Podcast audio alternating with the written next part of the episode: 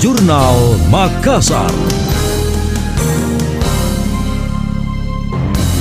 Saya Emil Faris dalam Jurnal Makassar. Terdakwa kasus suap dan gratifikasi proyek infrastruktur Pemprov Sulsel Nurdin Abdullah memutuskan tidak mengajukan banding. Dengan demikian, terdakwa Nurdin Abdullah akan menjalani hukuman sesuai vonis hakim. Pengacara Nurdin Abdullah Arman Hanis saat dihubungi mengatakan, keputusan tersebut sudah melalui pertimbangan yang sangat matang, baik oleh tim kuasa hukum, keluarga maupun Nurdin Abdullah sendiri. Arman mengakui pembahasan soal langkah banding ini cukup panjang, sehingga keputusannya baru ditentukan pada saat hari terakhir.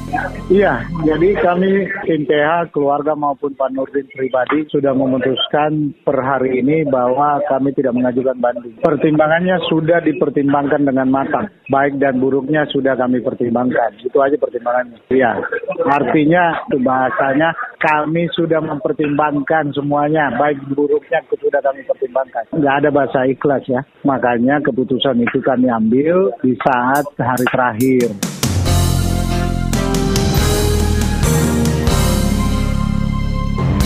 Batas waktu pengajuan banding berlaku tujuh hari sejak putusan hakim ditetapkan pada tanggal 29 November 2021 lalu. Nurdin Abdullah dijatuhi hukuman lima tahun penjara dan denda 500 juta rupiah. Bupati Bantaeng dua periode ini juga diwajibkan membayar uang pengganti sebesar 2 miliar 187 juta 600 ribu dan 350 ribu dolar Singapura atau setara hampir 4 miliar. Pidana tambahan lain untuk Nurdin Abdullah berupa pencabutan hak politik selama tiga tahun setelah menjalani menjalani pidana pokoknya. Anda masih mendengarkan Jurnal Makassar dari Radio Smart FM. Wali Kota Dani Pomanto menanggapi kritikan penempatan kontainer Makassar Recover, salah satunya di Jalan Gunung Bamba Puang yang penempatannya dinilai melanggar regulasi lantaran menempati badan jalan. Kondisi itu mengganggu dan membahayakan pengendara lalu lintas. Menurut Dani, pihaknya telah menginstruksikan pemindahan ke tempat yang seharusnya, termasuk di beberapa titik lainnya. Saya sepakat dengan orang pengkritisi, sepakat. Bukan pengkritisi itu, itu benar. Itu benar 100%. Tapi apa yang saya mau katakan dengan itu adalah inilah bentuk model eh, warisan lurah yang saya terima. Kira-kira begitu. Kalau mau dikasih lurus juga tetap tahu di bengkok. Kira-kira begitu. Nah ini bengkok juga.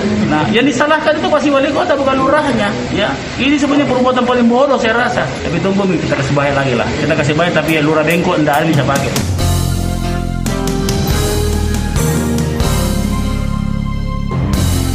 Pengadaan kontainer masuk dalam program Makassar Recover, salah satu fungsinya sebagai pusat kesehatan. Baru-baru ini juga digunakan untuk meredakan pertikaian kelompok mahasiswa dari daerah berbeda Sulawesi Selatan.